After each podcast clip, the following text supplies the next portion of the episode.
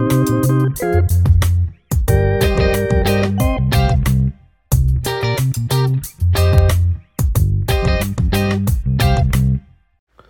itt az Ügyvéd Podcast, ahol ügyvédek beszélgetnek ügyvédekkel a hivatásukról.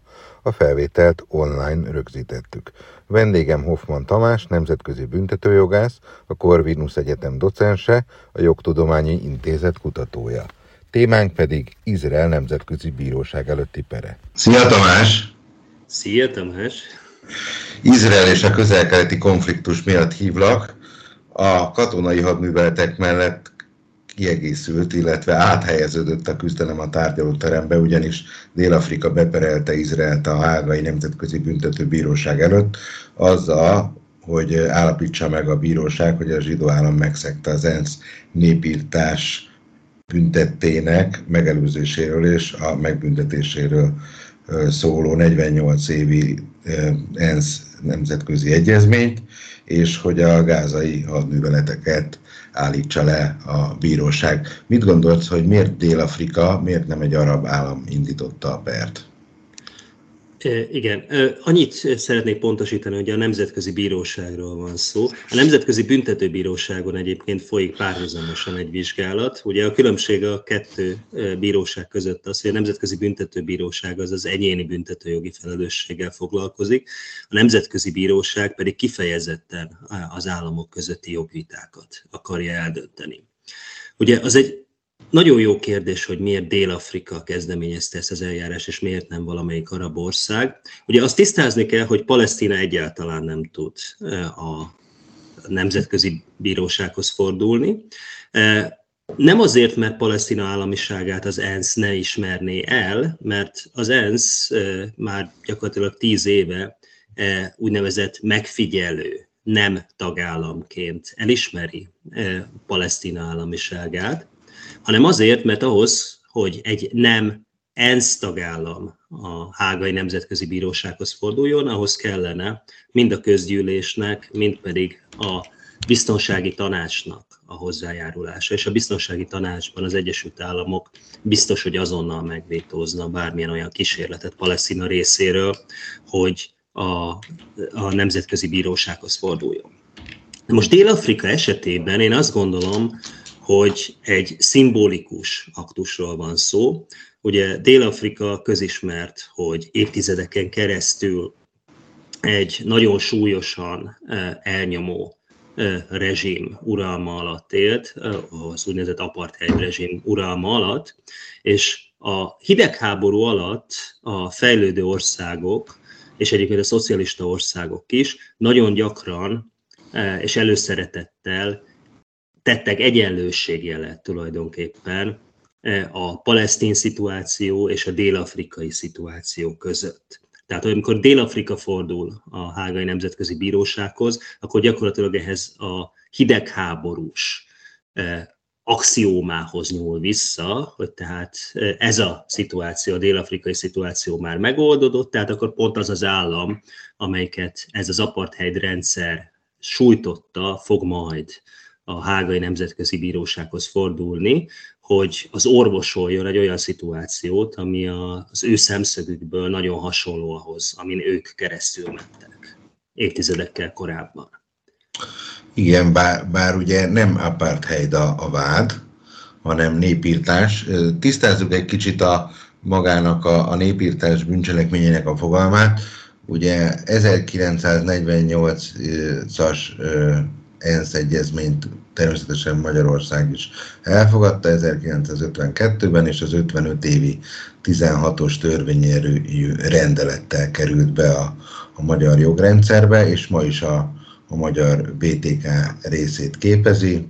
Ugye a lényege az, hogy a, egy valamilyen nemzet vagy, vagy fajivallási népcsoportnak a teljes vagy részleges megsemmisítése céljából ölik meg a csoport tagjait, illetve hát még többfajta tényállás van, de a, a lényeg az, hogy Izrael azzal védekezik, hogy tulajdonképpen ő a Hamaszt támadta meg, és nem a palesztin népet, és ami szintén háborús bűn, hogy azért van ennyi civil áldozat, mert hogy civil pajsként használja a Hamas a, a, a, a civil lakosságot lényegében, és ezért lehet ennyire sok áldozat. Ugye a Hamasnak a, a állítása szerint, illetve a palesztinok szerint, és ezt azért elfogadja nagyjából mindenki, 23 ezer áldozata van már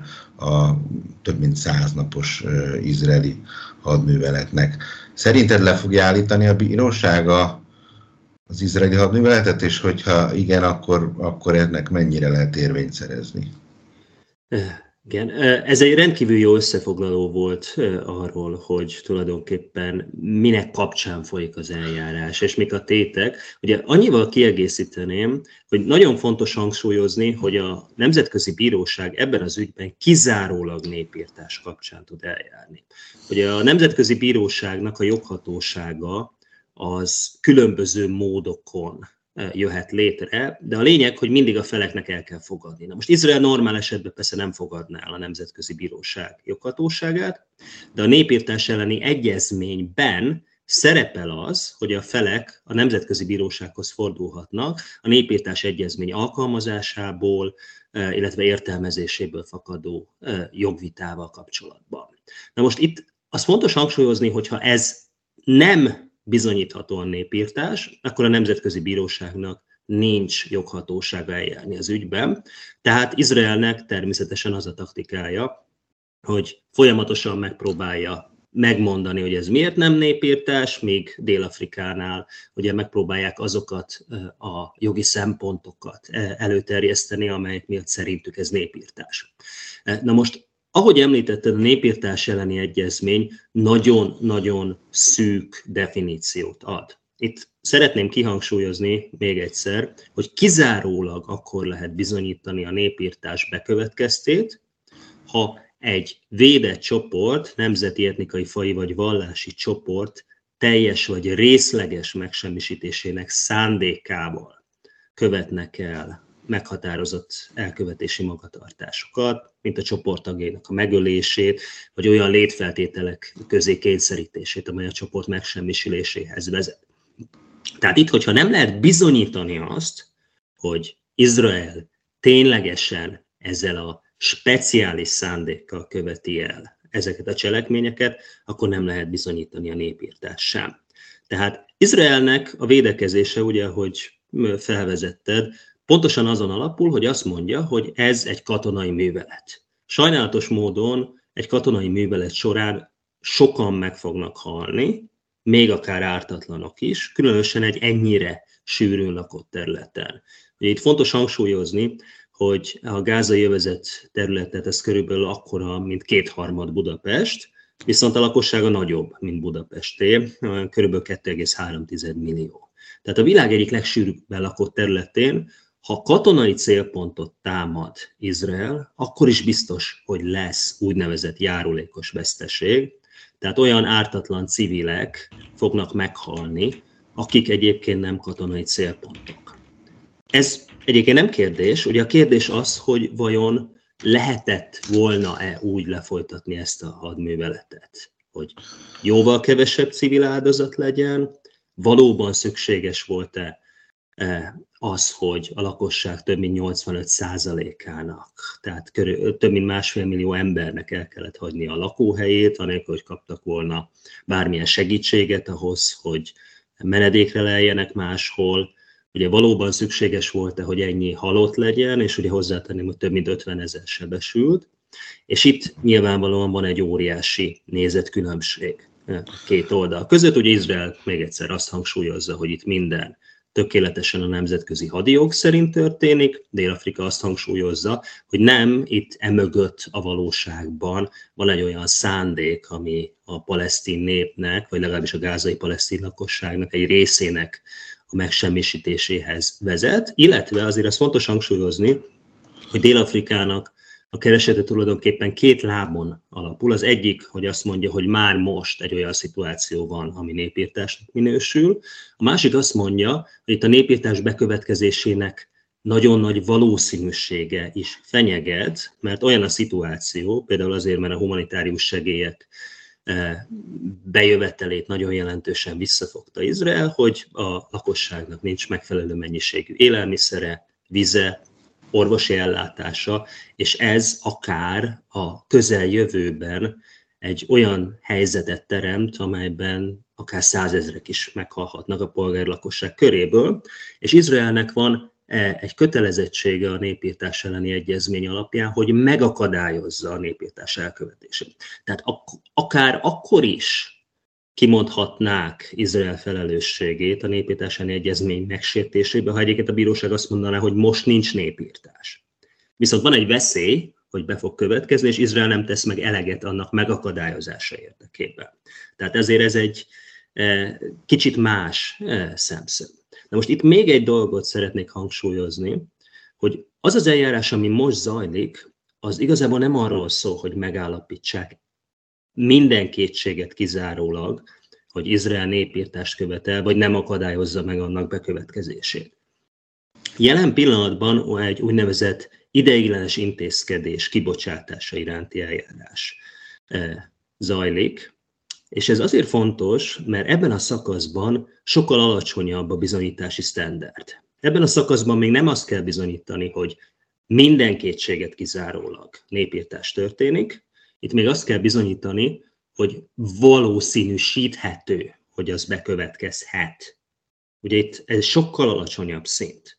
Ez azért fontos, mert ideiglenes intézkedést a bíróság, ugye, hogy a, az elnevezés is eh, sugalja, csak akkor fog kibocsátani, hogyha van egy olyan szituáció, ahol, hogyha várnak, hogy a szokásos eljárás azért évekig kellene, hogy tartson, akkor visszafordíthatatlan jogsérelem történhet. Tehát például a Nemzetközi Bíróság a múltban bocsátott ki ideiglenes intézkedést többször is, olyan esetben, amikor valakit halára ítéltek, és ugye az egyik állam, amelynek az állampolgára azt mondta, hogy őt jogellenesen ítélték halára, a nemzetközi jog megsértésével, és amíg a nemzetközi bíróság eldönti, hogy itt tényleg megszekték a nemzetközi jogot, addig adjon ki egy ideiglenes intézkedést, hogy hát közben ne, amíg meghozzák az érdemi döntést, addig ne végezzék ki az illetőt. Hiszen mi értelme lenne, hogyha három évvel később a Nemzetközi Bíróság megállapítaná, hogy valakit jogellenesen ítéltek el, ha közben már kivégezték, ugye? Na most itt egy hasonló szituáció van, Dél-Afrika azt mondja, hogy le kell állítani a hadműveletet, hiszen hogyha kiderül, hogy Izrael tényleg megszegte a népírtásáni egyezményt, mondjuk két-három év múlva, akkor addigra már vagy bekövetkezik ez a szituáció, vagy annyian meghalnak, hogy a, a, az egyezmény megsértése így is úgy is megtörténik. Na most még egyszer, itt egy sokkal alacsonyabb szintű standard van. Ezért én azt valószínűsítem, hogy néhány héten belül a Nemzetközi Bíróság kifogadni egy ideiglenes intézkedést, zárójelben Biztos vagyok benne, hogy több bíró ellene fog szavazni, tehát egy megosztott bírói döntés lesz, de, ki fog, de el fogja fogadni ezt a döntést, és ebben a végzésben azt arra kötelezi Izraelt, hogy korlátozza a katonai műveletét. Én nem hiszem, hogy egy olyan végzést fog kibocsátani, amelyben leállítja teljesen Izrael katonai műveletét. Ugye azért sem, mert Izrael azért nagyon erősen hangsúlyozza, és ebben nagyon sok bizonyítékot tud felmutatni, hogy ez a katonai akció azért a Hamas támadása miatt történt, amikor október 7-én ugye brutális módon több mint ezer e, izraelit e, és egyébként majdnem száz külföldit lemészároltak Izraelben, illetve több mint 200 túlszettek, és egyéb borzalmas bűncselekményeket követtek el e, Izraelben. És Hamas azóta sem állt le egyébként ugye, a katonai akcióival, tehát azóta is lő ki rakétákat, és nyilvánvalóan támadja az izraeli csapatokat. Hát azt hiszem, egy ilyen szituációban a Nemzetközi Bíróság nem fogja azt mondani, hogy persze, hát Izrael semmit nem csinálhat, még a Hamas a másik oldalról, amelyik ugye egyébként nem állam, tehát őt egyébként közvetlenül nem is tudja kötelezni a Nemzetközi Bíróság, akkor ő meg nyugodtan csináljon, amit akar. Igen, és azt ne felejtsük el, hogy még 136 túsz a Hamas fogságában van, és az izraeli közvélemény követeli, hogy a, a túszokat valahogy próbálják meg most már több mint száz nap után szabadon engedtetni, hogy úgy mondjam, tehát hogy kiszabadítani. A, ami érdekes, hogy december 29-én adta be Dél-Afrika a keresetet ugye az ENSZ legfelsőbb bíróságához, és már január első hetében tárgyálták is, és az ENSZ YouTube csatornáján lehet követni a, a pert, három és fél óra volt a, a dél-afrikai jogászok, illetve az izraeli jogi képviselők is több mint három órában fejtették ki az álláspontjukat, és nem csak izraeli és dél-afrikai ügyvédek, vagy jogászok, vagy professzorok voltak, hanem például Izrael oldalán Malcolm Shaw, a brit professzor beszélt, de, de úgy láttam, hogy dél-afrikai oldalon is, is kaptak támogatást más nemzetiségű jogászokkal. Úgyhogy ilyen szempontból is érdekes magát a pert követni. Én, én az izraeli védekezést végignéztem, és ott azt állították, hogy egyébként már a katonai hadműveleteket ö, csökkentették, már kivonták katonai csapatokat ö, a elmúlt hetekben Gázából, illetve a humanitárius segítséget növelték, tehát azt részletesen kifejtették, hogy, hogy mindenfajta ilyen víz, áramellátást azt biztosítanak, a, a kenyér, illetve két millió kenyeret szállítanak állítólag naponta Gázába, vagy ennek megfelelő lisztet, és az egészségügyi segítséget is megadnak, mutattak ilyen konvojokat különböző teherautókról. Ugye itt, a, ami a, a leginkább forró téma, az, az pont ezek a, ezek a bizonyos kórházak, hogy, hogy azt állítja Izrael, hogy a kórházakban is vannak uh, Hamas főadiszállások, és ezért nagyon nehéz megkülönböztetni a katonai és a civil uh, célpontokat. Ez, ez a védekezés, ez, ez engem meggyőzött, megmondom őszintén, és de, de azért nyilván a, a, a bíróság hát minden, mindkét oldalnak a jogi érvelését figyelembe veszi. Nem tudom, te hogy látod, hogy, hogy talán a katonai szakértők is azt mondják, hogy a, egyébként is hamarosan véget ér a hadművelet, és itt, itt talán tényleg ez a 136 túsz még a kérdés, akik, akiket ki kellene szabadítani. Ugye, ugye a végét kezdjem, ugye nem tudom, hogy mikor fog véget érni az izraeli katonai hadművelet, mert nem teljesen világos, hogy pontosan mi az izraeli kormány célja. Ugye, ha egy ilyen minimum célt nézünk, hogy csak a megmaradt úszok kiszabadítása már, amit elérni kívánnak, akkor akár egy egy-két napon belül is befejeződhet, pláne, hogyha nemzetközi hm, összefogással sikerülne esetleg egy olyan megállapotást kötni a Hamasszal, amelyben át tudnák adni a túszokat, ha tényleg csak ennyi a cél.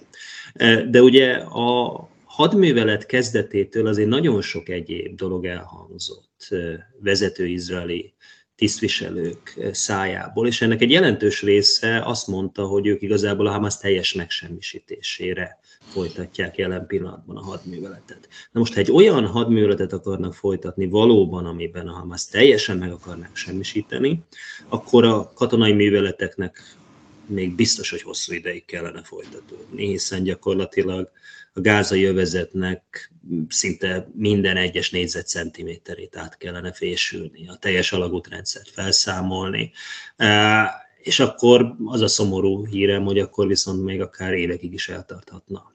Ez a, a hadművelet. Tehát nem tudom pontosan, hogy ténylegesen mi a, az izraeli kormány célja, mert sok mindent mondtak, sőt, ugye hát még olyan dolgok is elhangzottak, amely értelmében akár a palesztin lakosság kitelepítése is cél lenne egyébként a művelet során, bár ez ugye hivatalos kormányzati politikaként nem fogalmazódott meg, de több miniszter is tett ilyen kijelentéseket. Tehát eh, ha meg ez történne, akkor ez meg végképp egy teljesen más szituációt jelentene. Tehát itt én azért nem merném ezt olyan biztosan mondani, hogy itt a katonai műveletek hamarosan véget érnek. Ami a, azt a kérdést illeti, hogy vajon mi minősül katonai célpontnak, és mi nem minősül katonai célpontnak, na most itt egy óriási problémát okoz az egész eh, szituációban két dolog.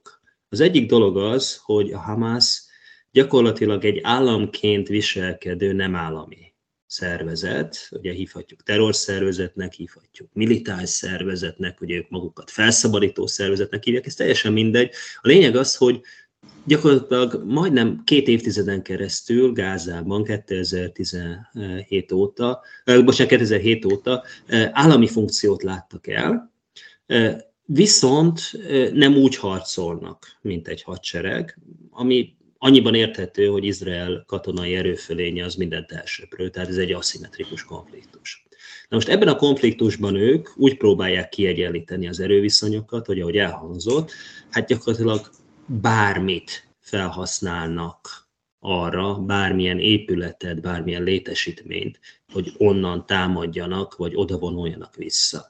Ugye Gázát egy alagútrendszer eh, hálózza be, a, mélyen a föld alatt, néha akár majdnem e, több tíz méterrel a föld alatt is lehet ez az alagútrendszer, amely gyakorlatilag Gáza bármelyik részén lehet, és ugye bármilyen olyan épületet, ha lehet akár az e, kórház, lehet akár az egyetem, fel lehet használni katonai célra, hogyha úgy döntenek, hogy felhasználják. Tehát amikor Izrael azt állítja, hogy mondjuk egy kórházat, vagy mondjuk nem olyan régen felrobbantotta Izrael a gázai egyetem épületét, Igen. Eh, katonai célra használnak, akkor ez nem kizárható. Na most viszont az is igaz, hogy hogy nem tudjuk, hogy ezek az állítások valóban minden szituációban igazak-e vagy sem. Tehát ezért fontos, hogy legyen egy külső, objektív fél, amelyik meg tudja ítélni ezt a helyzetet. Ugye itt azért plusz probléma az, hogy Izrael nem nagyon ad hozzáférést külföldi szakértőknek, hogy megvizsgálják mondjuk adott esetben ezeket a létesítményeket tehát itt, itt tényleg kívülről nagyon nehéz megállapítani, hogy minden egyes szituációban valóban száz százalékig igazolta az az állítás, hogy itt kizárólag katonai célpontokat támadnak, tehát ez az első dolog. A második dolog, ami szintén eh, egy nagyon nehéz dolog, hogy pontosan mekkora az a járulékos veszteség, ami megengedhető azért, hogy egyébként egy valóban legitim katonai célpontot támadjanak. Ugye itt azért előfordultak olyan esetek, amikor mondjuk egy menekültáborban támadtak, eh, ugye Izrael állítása szerint egy, egy, egy katonai parancsnoki központot, viszont ugye azzal együtt akár több mint száz civil is meghalhatott egy ilyen támadásban. Vajon ez belefére még ebbe a katonai szükségszerűség által diktált úgynevezett arányossági kalkulusba, vagy sem? Ugye ezek borzasztóan nehéz kérdések, és egyébként rengeteg nemzetközi jogász vitatja, vagy támogatja ezeket napi szinten. Tehát én különböző közösségi média platformokon is követem a szakmai diskurzusokat, és akkor látom, hogy mennyire megosztott egyébként eh, a nemzetközi jogásztársadalom is ebben a kérdésben, és hát akkor el lehet képzelni, hogy ez mennyire nehezíti meg adott esetben egy bírósági eljárás során ezeknek a körülményeknek az értékelését. Igen, a több mint 20 ezer áldozatból sem tudjuk, hogy mennyi volt a Hamas harcos, és mennyi volt a, a civil áldozat. Ugye, amit említetted, nagyon sűrűn lakott Gázat, és egyébként a, a lakosságnak kb. a 40%-a kiskorú, tehát 18 év alatti, a, persze közülük is lehet, hogy egy része, aki, aki fiatalkorú, lehet Hamas harcos, de akkor is azért az, hogy, hogy gyerekek áldozatai a, a, a hadműveleteknek, ez egy, ez egy természetesen egy külön ö, borzalom, és ahogy az október 7-i eseménynél is az, az volt a legborzasztóbb, amikor arról hallottunk, hogy, hogy lefejeztek csecsemőket, tehát olyan, olyan brutalitás volt ebben a terrorakcióban, ami viszont a, a nyugati társadalmakat, illetve annak, azoknak a vezetőit is arra sarkalta, hogy igen, Izraelnek joga van megvédenie magát. Például egy olyan likvidálás is történt ugye január elején, ahol egyébként nem is Gázában, hanem Beirutban célzottan lőtték ki a Hamas második számú vezetőjét, úgy, hogy egyébként egy épületnek talán a harmadik emeletét lőtték ki, és mások például nem sérültek, nem a teljes házat ö, ö, rombolták le, hanem, hanem kifejezetten a, azt a, a vezetőt, tehát nyilván aki körülötte volt, az is meghalt. Itt talán mondhatjuk, hogy arányos lehetett. Egy menekültáborban persze sokkal sűrűbben lakott a, a, az a rész, tehát itt, itt, itt persze lehet ö, ö, megosztottabb a közvélemény. Mit gondolsz egyébként, hogy, hogy mi lesz itt a, a, a pernek a tovább folytatása, tehát a felek elmondták a saját álláspontjaikat, és akkor a bizonyítás az, ahogy mondtad, az ideglenes intézkedések miatt azért ez itt korlátozottabb. Izrael nyilván olyan szempontból van érdekes helyzetben, hogy hogy valamennyire a közvéleményt is meg tudja győzni ebben a perben. Tehát lehet, hogy ilyen szempontból Izraelnek ez, ez a per talán nem is olyan rosszul, mert akkor el tudja mondani a saját érveit a közvéleménynek, és ugye erre nyilván az egész világ figyel. Viszont, amit említettél is, hogy még a tegnapi napon is volt olyan támadás, ami, ami egy egyetemmel szemben történt, tehát biztos, hogy ez a, ez a megosztottság ez, ez továbbra is fent fog állni, de azért egy bírósági ítéletet a, a feleknek gondolom kötelessége lesz elfogadni.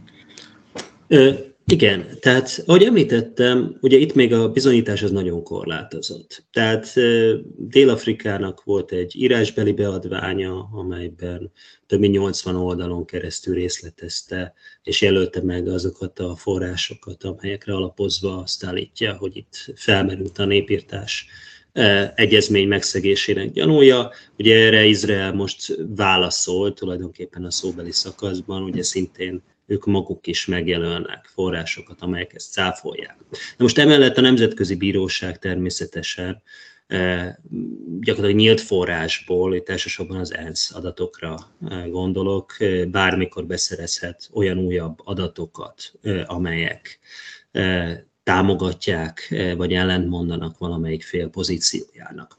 Itt Izrael ebben az eljárásban annyiban nehezebb helyzetben van, hogy mint említettem, ebben a szakaszban könnyebb bizonyítani azt, hogy van egy valószínűsége a népírtásáni egyezmény megszegésének egy ilyen szituációban, amikor nagyon-nagyon sok civil áldozat van, amikor több mint másfél millió embernek kellett elhagyni a lakóhelyét, amikor a gázai lakóépületeknek hát majdnem a 85%-a megsérült, vagy megsemmisült. Ebben az esetben Izrael lenne a bizonyítási teher tulajdonképpen, hogy, hogy bebizonyítsa, hogy itt miért nem valószínű, hogy megsér, megsérül a népírtás elleni egyezmény.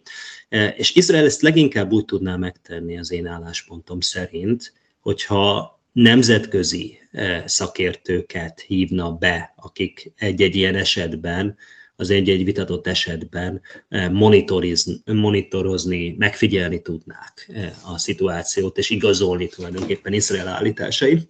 Mert egy ilyen szituációban tulajdonképpen van egy kívülről látható kétséges szituáció, és van Izrael állítása, mely szerint ők Izraelul a katonai célpontokat támadnak, de kívül ezt nagyon nehéz megállapítani. Tehát például most ugye fölrobbantottak egy egyetemet. Igen. Most normál esetben egy egyetem az nem katonai célpont, tehát beleillene abban a, abban a narratívába, hogy Izrael tulajdonképpen a palesztin nép megsemmisítését eh, célozza, hiszen lám egy egyetemet, ami nagyon fontos ugye az intellektuális élet fenntartása szempontjából, eh, a, a nép tulajdonképpen szellemi eh, művelődése szempontjából azt is elpusztítanak. Egyiptomi, Igen. bocsánat, egyiptomi kampusz volt. Tehát egy Gázában lévő egyetemről beszélünk. Igen. Tehát egy hatalmas, hatalmas épületről, ami izraeli kontroll alatt volt, és amit 300 aknával kontrollált módon felrobbantottak.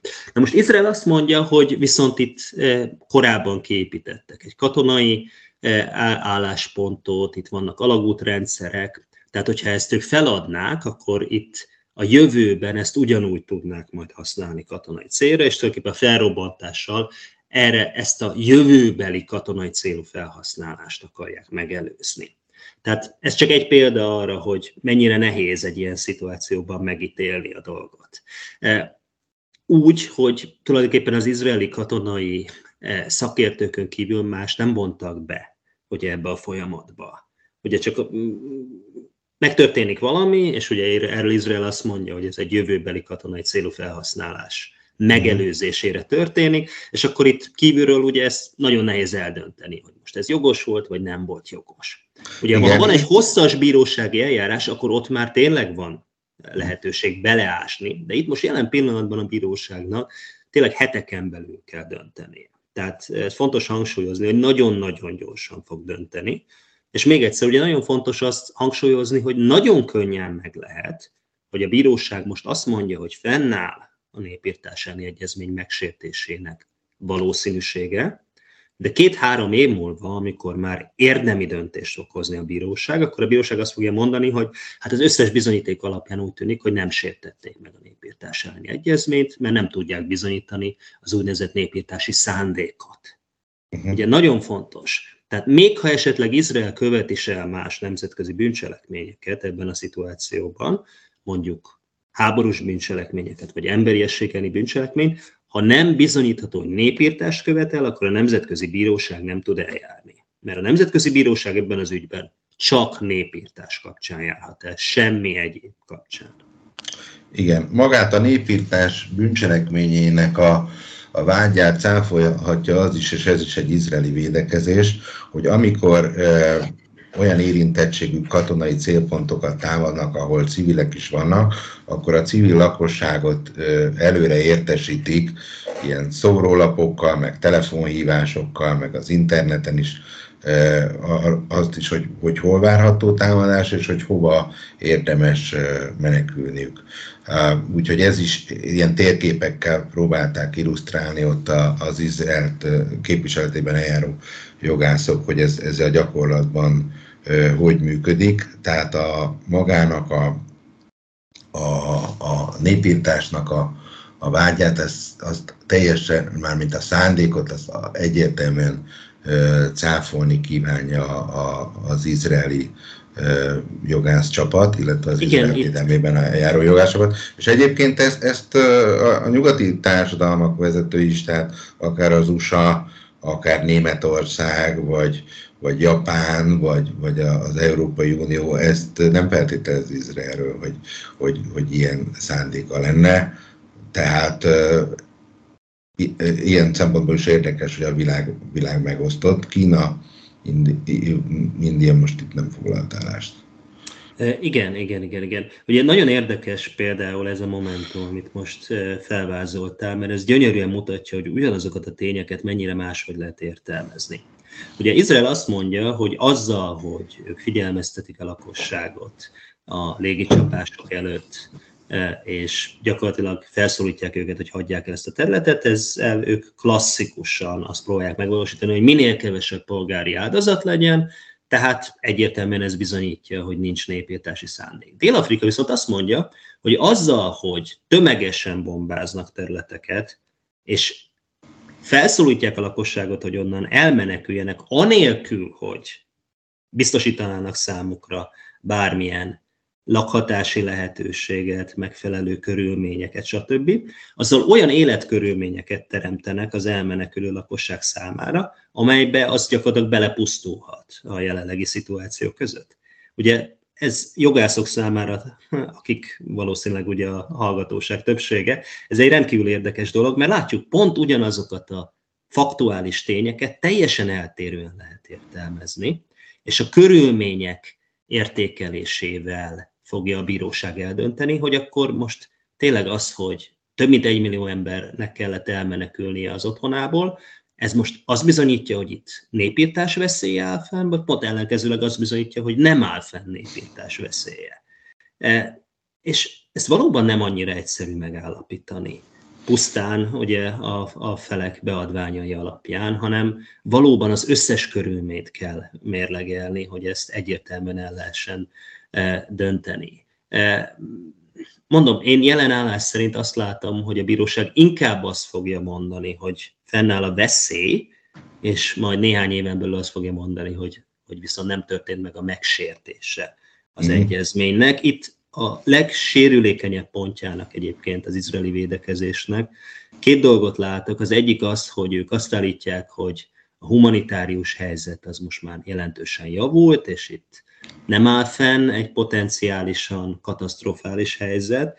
Ezt jelen pillanatban még az ENSZ adatai alapján én nem látom igazoltnak, hogy a humanitárius segédszállítmányoknak a száma még mindig nagyon-nagyon jelentősen alacsonyabban ahhoz képest, mint az október 7-i e, szituációhoz. Az utolsó adatok, amit láttam, az az volt, hogy október 7 előtt átlagban napi 500 e, kamionnyi segélyszállítmány érkezett, azóta pedig kb. 100, tehát azért az Igen. 20%-ára esett vissza, ami azért nagyon-nagyon kevés, és nem biztos, hogy elegendő akkor a, a lakosság ellátásához.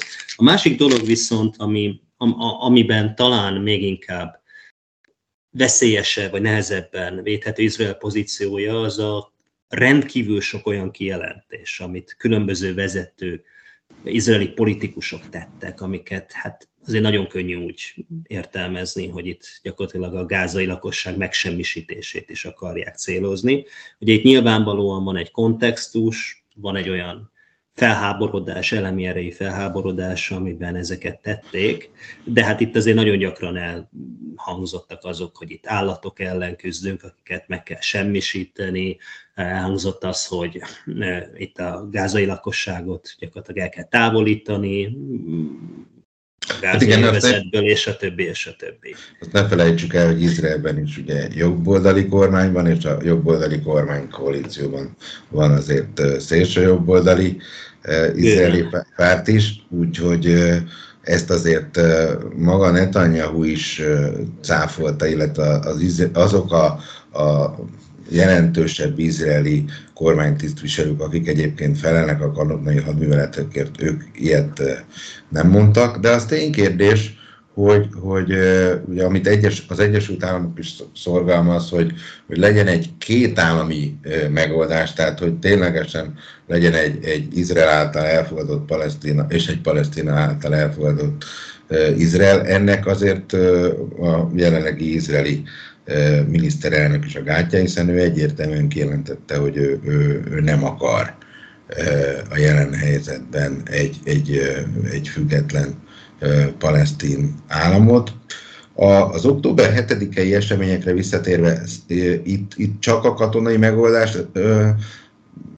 lehetséges, vagy, vagy például a Nemzetközi Büntetőbíróság azok a Hamas vezetőkkel szemben, akik egyébként mondjuk Katarban vannak, nem indíthat eljárást? Tehát a, maguk a, a, a, tehát maga a terrortámadással szemben semmilyen jogi eljárás szerinted nem, nem várható, csak a katonai megoldás? Én, én azt gondolom, hogy a Nemzetközi Büntetőbíróság fog Hamas vezetőkkel szemben büntetőeljárást indítani. Ugye Palesztina, mint állam, ugye hiába nem ismeri el az államiságát nagyon sok ország, például az Egyesült Államok vagy maga Izrael, de Palesztina, mint állam felvételt nyert a Nemzetközi Büntetőbíróságba. Tehát ratifikálta az úgynevezett római statútumot, és ennek következtében a palesztin területeken, vagy a palesztin állampolgárok által külföldön elkövetett nemzetközi bűncselekmények, tehát háborús bűncselekmények, emberiesség elleni bűncselekmények, illetve népírtás kapcsán a Nemzetközi Büntetőbíróságnak van joghatósága. A Nemzetközi Büntetőbíróság folytat vizsgálatot jelen pillanatban, de hát nyilvánvalóan most még ugye az adatgyűjtés, a bizonyítékok összegyűjtésének a fázisa van. És nagyon nehéz a Nemzetközi Büntetőbíróság dolga, mert nincs hozzáférése a helyszínhez. Tehát nem tud bemenni Gázába és bizonyítékokat gyűjteni, illetve nem tud Izraelbe se bemenni és bizonyítékokat gyűjteni, mert Izrael nem működik együtt a Nemzetközi Büntetőbírósággal. Tehát ilyen szituációban sokkal nehezebb lefolytatni egy nyomozati eljárás, sokkal nehezebb bizonyítékokat gyűjteni. Nem lehetetlen, de nagyon-nagyon nehéz, és emiatt viszont lelassul jelentősen az eljárás. Ugye amikor tavaly, és ez mindenki számára egy meglepő dolog volt, a Nemzetközi Büntetőbíróság az ukrajnai szituáció kapcsán Vladimir Putyin orosz elnök ellen kiadott egy elfogadó parancsot, akkor ott azért rengeteg bizonyítéka volt a Hágai Nemzetközi Büntetőbíróságnak, mert Ukrajna végig együttműködött vele. Tehát a Nemzetközi Büntetőbíróság vizsgálói, szakértői beléphettek Ukrajna területére, és mindenhonnan gyűjthettek bizonyítékokat, illetve Ukrajna közvetlenül megosztott velük bizonyítékot. Na most, most nem ez a helyzet. Ugye Izrael nem engedi meg, hogy e, a Nemzetközi Büntetőbíróság hozzáférjen a potenciális bizonyítékokhoz, amit lehet, hogyha esetleg palesztin hatóság küld bizonyítékot, ezt nyilván fel tudják használni, hogyha nyílt forrásból hozzáférhetőek a bizonyítékok, akkor ahhoz hozzá tud férni, tanúvallomásokat nyilván fel tud venni adott esetben, de minden egyéb, tehát például a tárgyi bizonyítékok beszerzése rendkívül nehéz. Tehát én azt gondolom, hogy fog, adott esetben mm. akár a katári vezetőkkel szemben is kiadhat akár mondjuk elfogató parancsot, ami nagyon jelentősen megnehezíteni az ő életüket, viszont, viszont sokkal nehezebben tud eljárni, mint a legtöbb másik szituációban, és ezt figyelembe kell venni. Én ennek ellenére azt gondolom, hogy az év első felében a Nemzetközi Büntetőbíróság majd ki fog adni elfogató parancsot felelősökkel szemben, de ez csak az én saját predikcióm, aztán meglátjuk, hogy valóban így lesz Uh-huh. Izrael egyébként beengedett újságíró ö, csoportokat, és megmutatta azokat a helyszíneket, azokat a kibucokat, illetve a, a nyári fesztiválnak a, a helyszínét, a, legalábbis az ATV-ben én, én láttam ilyen ö, helyszíni tudósításokat, ahol ott körbevitték és megmutatták a, a terrorista merényleteknek a, a helyszíneit. Most azt nem tudom, hogy a Nemzetközi Büntetőbíróságnak egyébként miért nem szolgáltatnak adatokat. Azt is állítja Izrael, hogy körülbelül 110 ezer ember nem tud visszatérni, ahol laktak korábban, mert hogy ott még vannak katonai hadműveletek. A, a Hamásznak a, a, rakétarendszere e, e, ez alatt a, háború alatt szerinted nem számolhatott fel? Nem tudom, hogy, hogy a, egyáltalán rakétatámadások érik Izraelt, vagy ott, ott már ö, maga a az élet nagyjából visszatért a rendes kerékvágás. Az én tudomásom szerint elszórva még mindig előfordulnak rakétatámadások. Uh-huh. Nem vagyok katonai szakértő, de itt azért két dolog nagyon fontos. Az egyik az, hogy ezek ilyen házilag barkácsolt eszközök, amelyek nagyon pontatlanok, valamilyen terület felé lehet őket kilőni, és senki nem tudja, hogy pontosan hova fognak becsapódni. Tehát itt enne, ezeknek tényleg a legfőbb célja az a polgárlakosság terrorizálása. És viszonylag könnyű őket előállítani, tehát olyan szinten, hogy köznapi dolgokból lehet előállítani őket. Tehát mondjuk a robbanóanyagot lehet műtrágyából előállítani, ami ugye kell a földműveléshez, föl lehet használni különböző csöveket, mint rakétakilövőket, tehát itt nem valami szofisztikált high-tech dologról van szó. A, már, tehát az, ha esetleg el is fogytak ezek a rakéták, akkor is nagyon gyorsan lehet őket újra előállítani házi körülmények között, tehát erre most már ugye van egy jó bevált know-how gyakorlatilag már évtizedek óta palesztin részről.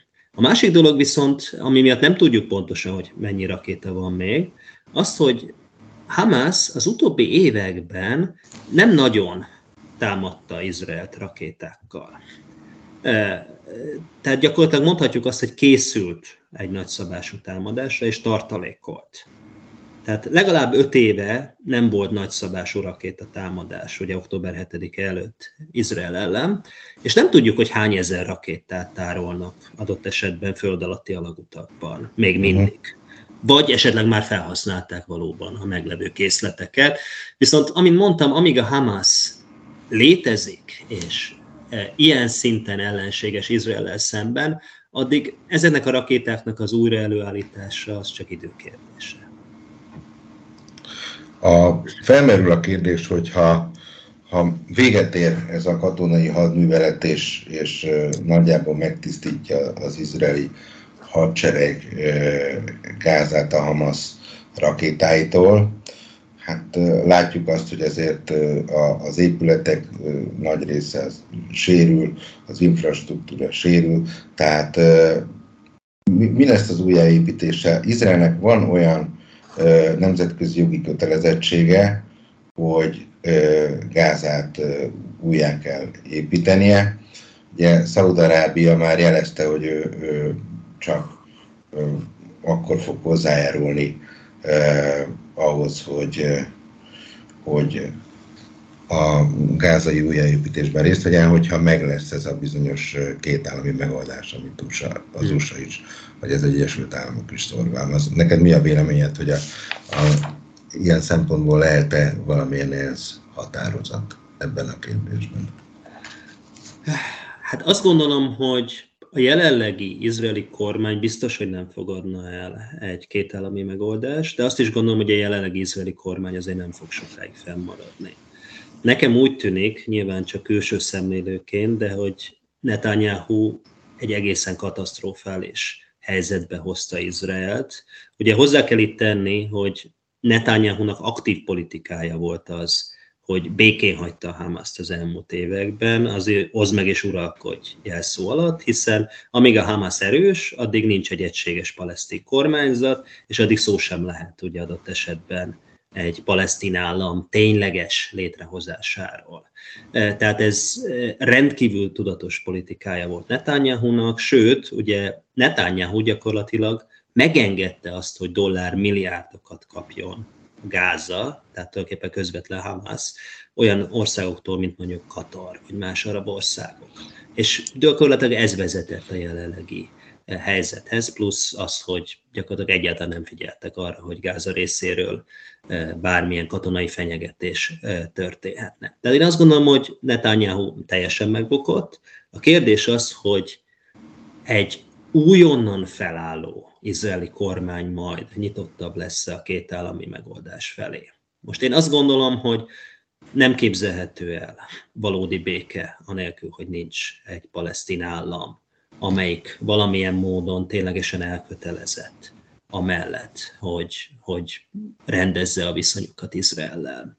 Tehát az erőszaknak az a végtelen spirálja, amit most látunk, egy gyakorlatilag hát minimum 60 éve, de talán régebben is az arab-izraeli vagy, vagy izraeli-palesztin eh, viszonylatban, az csak akkor tud feloldódni, hogyha a palesztinoknak is lesz saját állama, és valamilyen módon Izrael kompenzálja a palesztinokat azokért a szenvedésekért, amikben eh, részük volt az elmúlt évtizedekben.